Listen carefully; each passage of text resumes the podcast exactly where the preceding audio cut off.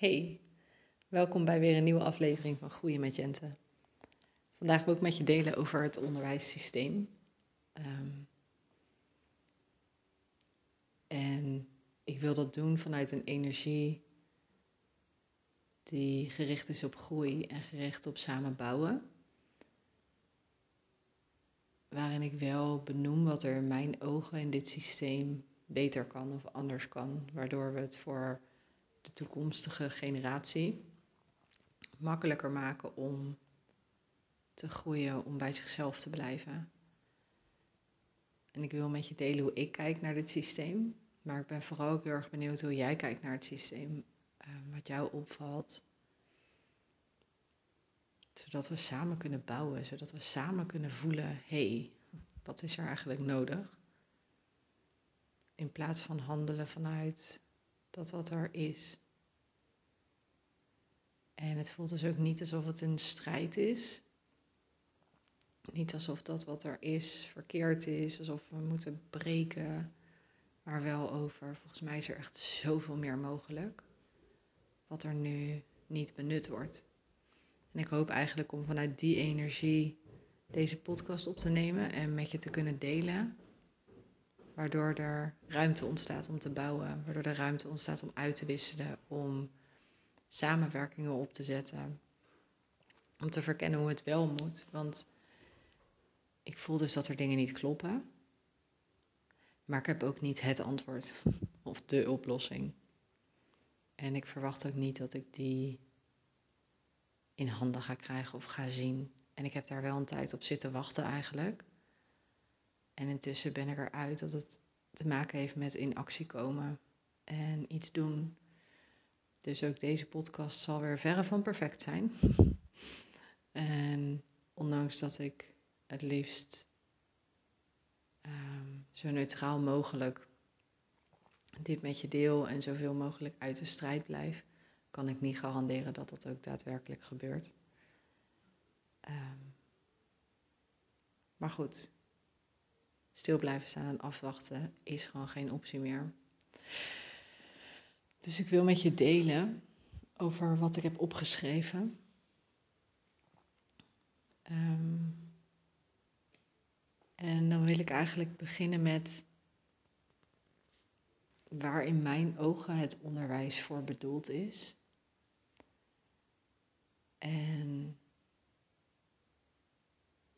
En dat vind ik eigenlijk best wel moeilijk iets. Want waar is het onderwijs eigenlijk voor bedoeld? Het huidige onderwijs is volgens mij bedoeld om kinderen zoveel mogelijk kansen te geven. Um, hoe ik het zie is dat het huidige onderwijssysteem ooit in het leven geroepen is om kinderen die opgroeiden op de boerderij ook de kans te geven om iets anders te kunnen gaan doen. Even heel plat gezegd. Zodat je eigenlijk je opvoeding en je programmering kunt ontstijgen. Hoe het nu voor mij voelt, is meer dat iedereen eenzelfde malletje in moet. Dat ongeacht waar je vandaan komt, je op dezelfde manier eruit komt. Dus voor mij voelt het alsof het systeem eerst juist heel veel kansen creëerde, waar dat nu meer plat slaat en meer de kansen juist uit kinderen haalt. Um, ook iets waar ik mij over verwonder eigenlijk, is. Um, kijk, wij proberen kinderen vaak klaar te stomen voor de toekomst, hè? Maar ik vraag me dan af hoe gaat de toekomst eruit zien dan? Hoe weten wij dat? Ik had echt vijf jaar geleden niet kunnen voorspellen hoe de wereld er nu uitziet en, en hoe ik me nu voel, zeg maar, in deze wereld. En dan vraag ik me af, ook de manier waarop wij kinderen klaarstomen voor de toekomst, om het zo maar te zeggen. Is dat dan een manier die nog passend is? Of is het een manier die ergens in 1900 op is gezet en, en zijn we die nog steeds aan het uitdragen. Um, want ja, het onderwijs is jammer genoeg in mijn ogen best wel een log systeem. waar je als leerkracht of als school op microniveau best wel misschien iets kunt doen, of graag zou willen doen, maar dan wordt tegengewerkt door het hele systeem wat erachter zit. Waardoor je dus ook weer in een soort gevecht belandt, wat je juist niet wilt. Um, en voor mij voelt het dus alsof er nu een generatie kinderen op de wereld komt die echt prima weten wat ze nodig hebben, waar ze naartoe gaan, hoe de wereld eruit komt te zien. en dat al die dingen die wij hen willen leren, dat zij zoiets hebben van ja, joe, hebben wij helemaal niet nodig. En dat daardoor, uh, onder andere, het zo niet passend voelt wat we aan het doen zijn. Want wat hebben wij deze kinderen, die in mijn ogen dus echt wel oude zielen zijn, die nu hier op aarde komen, die volgens mij ons juist heel veel te leren hebben, dan zijn wij die door een soort vormpje aan het duwen en ze aan het vertellen wat ze moeten doen. Terwijl in mijn ogen deze kinderen ons dus juist heel veel te leren hebben en te brengen hebben. Dat voelt heel scheef. Maar goed, um, ook als je niet in meerdere levens gelooft, of als je niet gelooft dat um, zielen meerdere keren incarneren of hier weer op aarde komen of wat dan ook, um, denk ik dat het nog steeds de vraag is: wat leren wij kinderen om hen op de toekomst voor te bereiden? Hoe doen we dat dan eigenlijk? Is dat echt door ze acht jaar lang te leren rekenen en schrijven en lezen. Op de manier waarop het nu is. En ik weet dat er ook veel meer vaardigheden daarnaast worden geleerd hoor. Maar ook daarvan vraag ik me af: zijn die vaardigheden nog relevant? Op de manier waarop ze worden gedoseerd. Bijvoorbeeld dat samenwerken in sommige gevallen een aparte skill is die geoefend wordt. Terwijl ik denk, huh?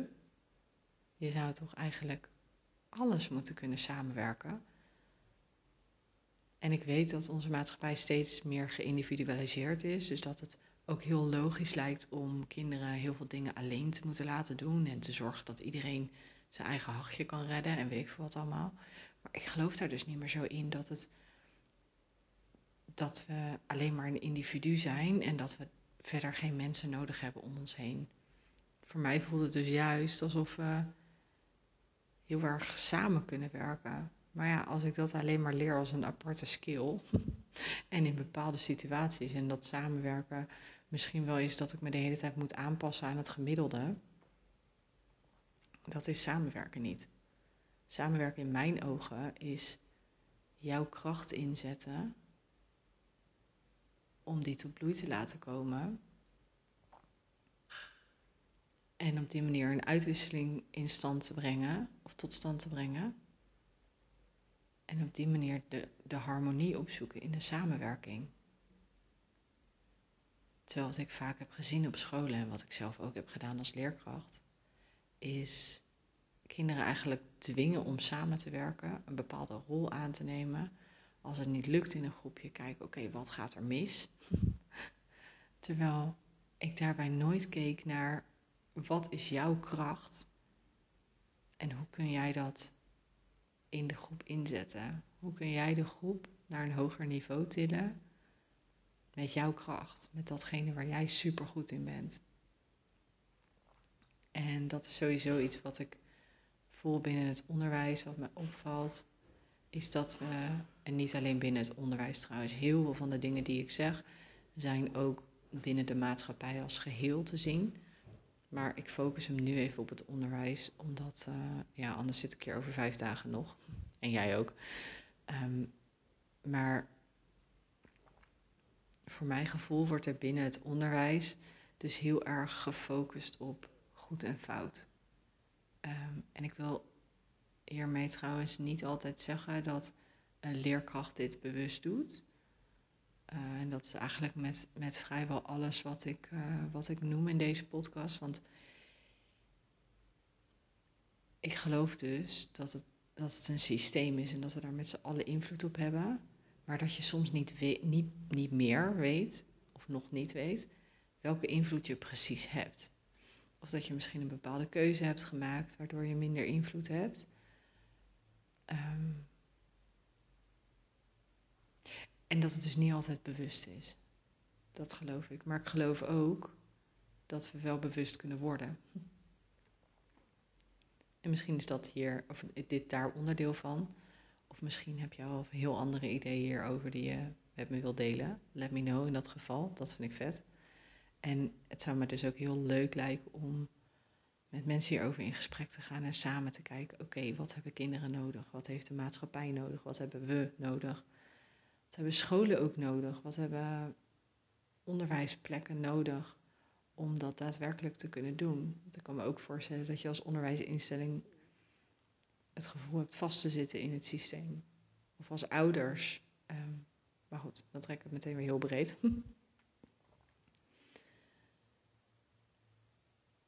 in ieder geval is dus, ehm, waar ik net even volledig ging uitweiden, allerlei kanten op. Hoe het voor mij voelt, is dat heel vaak um, er gekeken wordt naar dit doe je goed en dit doe je fout. En dit kun je goed en dit kun je niet. En in plaats van dat we dan dus gaan handelen vanuit de kracht van een persoon, wordt er gekeken naar oké, wat kun jij nog niet en hoe kunnen we dat sterker gaan maken. Ehm, terwijl als je kijkt naar iemands kracht en dat versterkt, dat voelt voor mij zo anders. Het voelt voor mij zoveel positiever, zoveel krachtiger ook. En op het moment dat je dat doet, kan ik me voorstellen dat ook andere dingen die misschien nog minder ontwikkeld zijn, vanzelf meegetrokken worden en vanzelf ook gaan transformeren en vanzelf ook dat je daar ook sterker in wordt. Terwijl als we alleen maar gaan focussen op wat jij niet kunt of niet goed kunt of waar je beter in moet worden, ehm, alles wat niet jouw kracht is, dan dat voelt heel negatief. En dan ga je dus aan iets werken omdat iemand anders vindt dat je daar niet goed genoeg in bent. En ook op het moment dat je zelf vindt dat je er nog niet goed genoeg in bent, vraag ik me dus af: vind je dat echt zelf? Of komt dat door je omgeving dat jij dat bent gaan vinden? Dus is dat echt zo wat jij dan denkt over jezelf? Um, dus het goed en fout is in mijn ogen iets. Um, ja, wat is goed? Wie bepaalt dat? Wie bepaalt dat jij iets doet wat goed is of goed genoeg is? En ja, dat bepaalt het antwoordenboekje vaak. Wat mij betreft mag het antwoordenboekje in de fik. Um, en dat, dat is um, ook iets waarvan ik me afvraag. Kijk, er zijn methodes ik vond de methode als leerkracht superhandig. En tegelijkertijd vraag ik me nu af, maar is dat echt de beste manier om te leren? Want hoe gek is het eigenlijk dat we dan in zo'n methode lezen: ik heb drie stoelen, drie oranje stoelen en drie blauwe stoelen. Hoeveel stoelen heb ik bij elkaar? Terwijl als ik gewoon in het echte leven zeg: yo, hoeveel stoelen staan daar? hé, eh, hey, en hier staan uh, drie blauwe stoelen en hier drie uh, oranje stoelen. Hoeveel, hoeveel is dat samen? Weet ik veel. En er zouden waarschijnlijk nog weer totaal andere, leukere, interactievere werkvormen hiervoor zijn. Maar het gaat mij om het idee dat we dus de concrete wereld in een soort, ja, in een boekvorm proppen, terwijl die stoelen staan er. en, en het leven is er. Maar waarom gaan we dat dan uit een boekje leren? En dat is natuurlijk hetzelfde als je bijvoorbeeld uh, natuuronderwijs hebt of zo. Waarom leren we dat uit een boekje? En ik snap ook wel dat sommige dingen, weet ik veel, over vulkanen of zo. Ja, je kunt niet echt op fieldtrip naar een vulkaan als je in Nederland woont. Tegelijkertijd, waarom niet? Maar goed, dat is een heel uitgebreid ander verhaal. Um, dat is niet zo makkelijk als mieren bekijken in, in, in de tuin of op het schoolplein. Dus ik snap dat er bepaalde dingen zijn waar daar een grens in is. Maar ik vind het zo frappant eigenlijk dat we alles platgeslagen hebben in boekjes.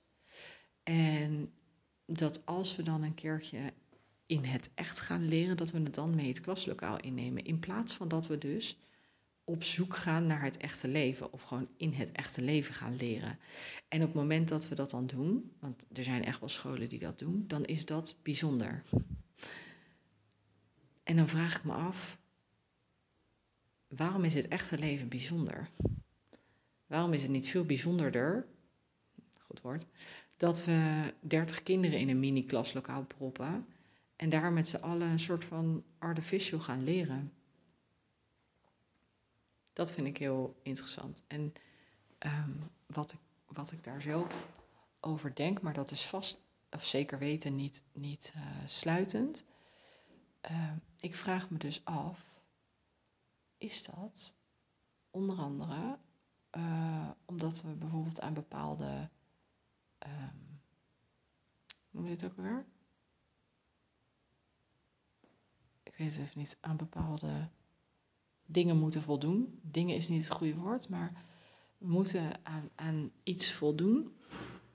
Bepaalde criteria. Uh, kinderen, we moeten kinderen op een bepaalde manier afleveren en dat doen we zo efficiënt mogelijk.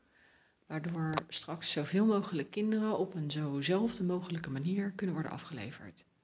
Zo voelt voor mij het leren uit boekjes. Um, en, en ik snap het. En het heeft vast ook zijn doel gediend, maar ik vraag me af of dat nu nog steeds zo is. Mm. En, en wat ik net ook zei, ja, ik, ik heb het antwoord niet.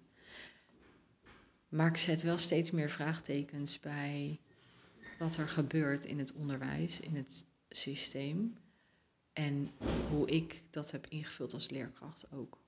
Daar zet ik ook veel vraagtekens bij. Ook hoe ik dat heb ingevuld als coach, als uh, begeleider van plusklassen, um, maar eigenlijk alles binnen het onderwijs. Ja, daar zet ik soms wel vragen bij. Um, ik heb wat dingen opgeschreven hoor, want er ging zoveel door mijn hoofd. Ja, wat ik, wat ik me dus afvraag, wat mij vet lijkt eigenlijk, is als je als um, team, als groep leerkrachten dus eigenlijk, of als groep uh, van een school, als team van een school, als je dan bij elkaar gaat zitten en echt kijkt naar, oké, wat willen we echt? We hebben hier 100, 550, weet ik veel hoe school is, kinderen. En wat willen wij nou echt aan hen meegeven als alles open ligt? Wat willen we aan hen meegeven in die acht jaar dat ze bij ons op school zitten? Wat is de essentie? Wat is het allerbelangrijkste als je niet zou hoeven toetsen, als je geen resultaten hoeft te delen, als je geen dingen hoeft te bereiken um, die van bovenaf worden opgelegd, als het echt helemaal up to you is? En dat kun je natuurlijk als team beantwoorden, maar je kunt het ook voor jezelf beantwoorden. En dat kun je doen als je leerkracht bent of als je op een andere manier aan het onderwijs verbonden bent. Maar dat kun je natuurlijk ook doen als ouder of gewoon als iemand die het leuk vindt om naar deze podcast te luisteren. Ook als je al deze rollen niet hebt, kan het nog steeds leuk zijn. En um, om dan te voelen, oké, wat willen wij, wat wil ik deze kinderen deze generatie meegeven? Wat vind ik nou echt belangrijk dat ze leren, dat ze weten, dat ze ervaren?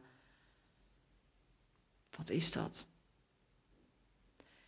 Betekent niet dat dat altijd meteen kan, maar ik denk dat het zo belangrijk is om daarover na te denken, om te voelen wat is de essentie van datgene wat ik met ze aan het doen ben acht jaar lang.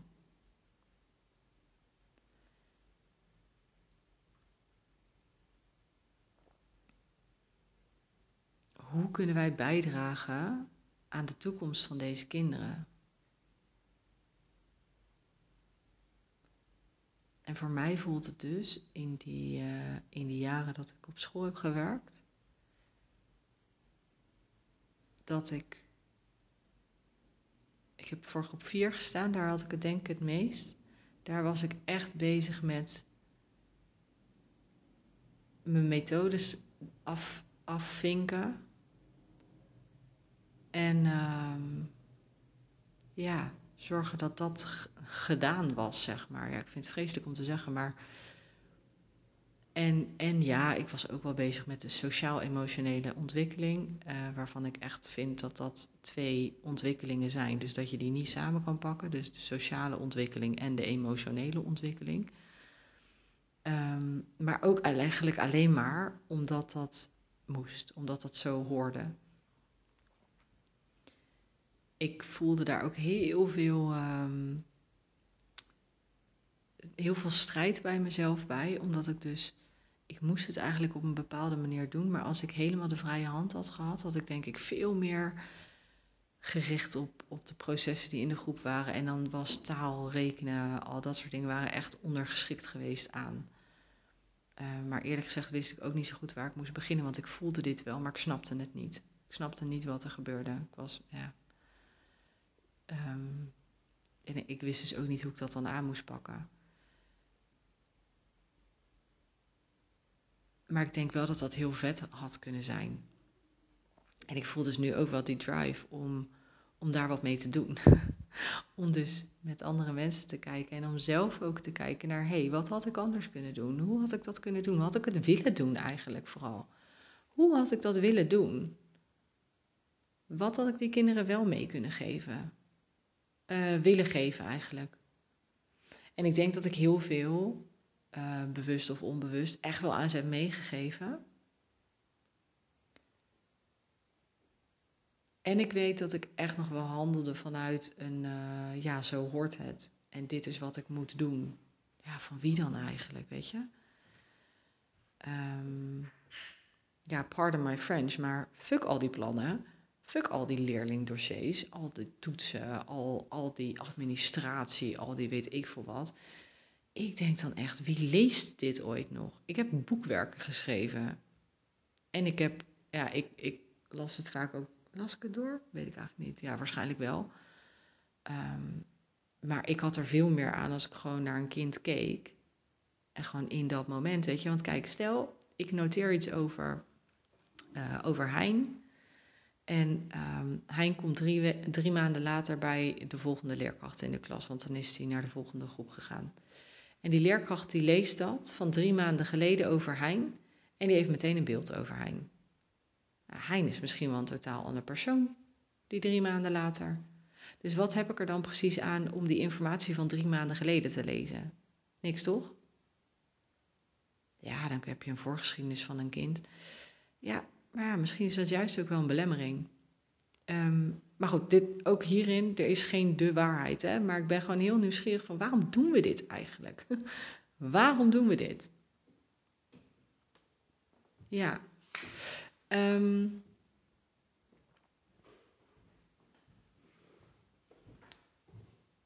ja, en ik, ik denk dat hierbij ook heel belangrijk is. Kijk, als je echt terug wil gaan naar wat hebben kinderen nodig? wat willen we ze meegeven, dan betekent dat in mijn ogen ook dat we met kinderen in gesprek moeten. Of in ieder geval naar ze moeten luisteren, dingen aan ze moeten vragen, bij ze moeten checken. En dat hoeft niet altijd in woorden. Uh, maar juist ook door, door te onderzoeken, door uit te proberen. In plaats van te doen wat we altijd al deden. En, en denken te weten, denken te weten dat, dat wij weten hoe het is. En hoe het moet zijn. Wij weten helemaal niks. um, ja. En ik voel dus ook hoe vet zou het zijn als je met die kinderen, die dus de toekomst gaan hebben, de toekomst gaan zijn, de bewoners zijn van de nieuwe wereld, zoals ik het dan zie. Hoe vet is het om met hen samen te werken en samen dat onderwijs te maken waar zij echt behoefte aan hebben, waar zij echt wat aan hebben en waar wij dus uiteindelijk ook wat aan hebben. Als wij die hele generatie sterker maken en ze echt in hun kracht zetten, dat is ook spannend, hè? Want ja, als er een hele krachtige nieuwe generatie opstaat, ja, zou ook zomaar kunnen dat hij een paar heilige huisjes omver gaan schoppen. Could be.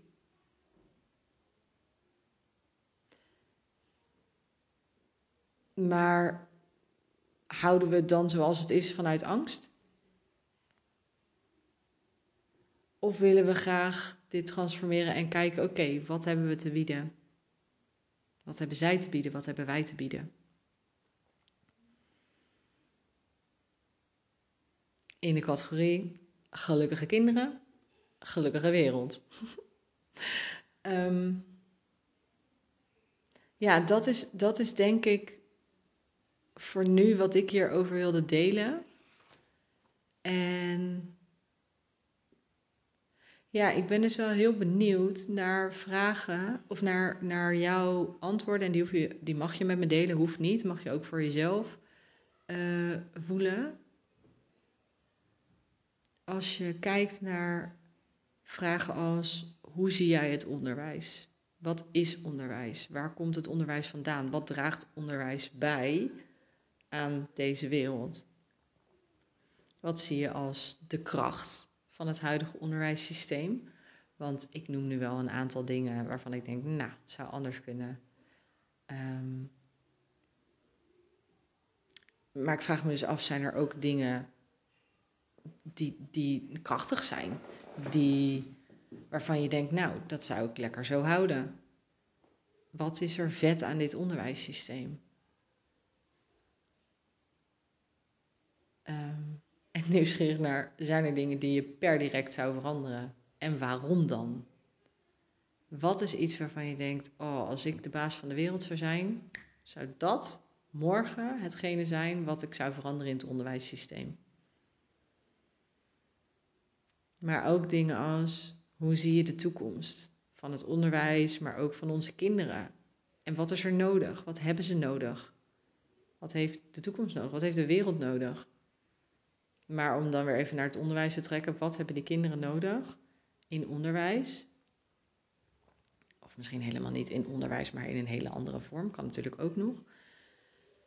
En wat kun jij en ik, wat kunnen wij doen? Maar als je hem even op jezelf betrekt, wat kun jij zelf doen om hier nu al aan bij te dragen? Groot of klein. Mijn actie hierin is dus deze podcast opnemen.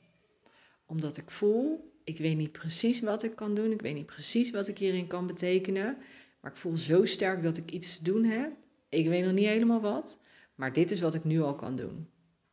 Dit is hoe ik nu al een zaadje kan planten bij een paar mensen. Hoe ik nu al voor mezelf weer dingen kan aanscherpen. Want ik weet zeker dat ik, nadat ik deze podcast heb opgenomen, dat er dingen in beweging zijn gekomen. Of doordat ik deze podcast heb opgenomen, komen er weer dingen in beweging. En gaat mijn visie, mijn missie, gaat zich allemaal weer aanscherpen. Ga ik dingen denken, oh, had ik dat eigenlijk anders kunnen zeggen? hey, ben ik het eigenlijk wel echt eens met wat ik daar heb gezegd? Jullie gaan hierop reageren. Aan de hand daarvan kan ik weer voelen, hey, klopt het eigenlijk wat ik heb gezegd? Klopt het nog wat ik voel? Klopt het wat ik denk? Oké, moet ik het nog aanscherpen? Kan ik het nog veranderen? Wil ik hierin iets veranderen? Of is het oké zoals het is? Um, dus welke kleine stap, of grote stap, dat mag natuurlijk ook, kun jij um, zetten om daar nu al aan bij te dragen? Ja, dat was hem voor nu. Ga ik ermee afsluiten. Ik ben heel benieuwd uh, wat je gedachten zijn. Let me know. Uh, via Instagram kan dat, via Jente van der Woude. Dat is mijn profiel. Um, en anders weet je vast een andere manier om het te bereiken. Ik weet het even niet. Via de mail. Uh, telefoonnummer. Alles is mogelijk. Um, nou, die noem ik hier dan weer niet. Dat is wel niet handig. Dat telefoonnummer laat ik even zitten. Maar als je me wil mailen, kan info.metjente.nl um, Ja, laat me weten. Mag, mag over die vragen zijn. Mag iets anders zijn. Wat je is opgevallen. Wat je gevoeld hebt. Wat je graag wil delen. Uh, als je zegt, ik wil heel graag met je in gesprek hierover. Um, ik zoek nog mensen met wie ik, um, ik denk, podcasts kan opnemen.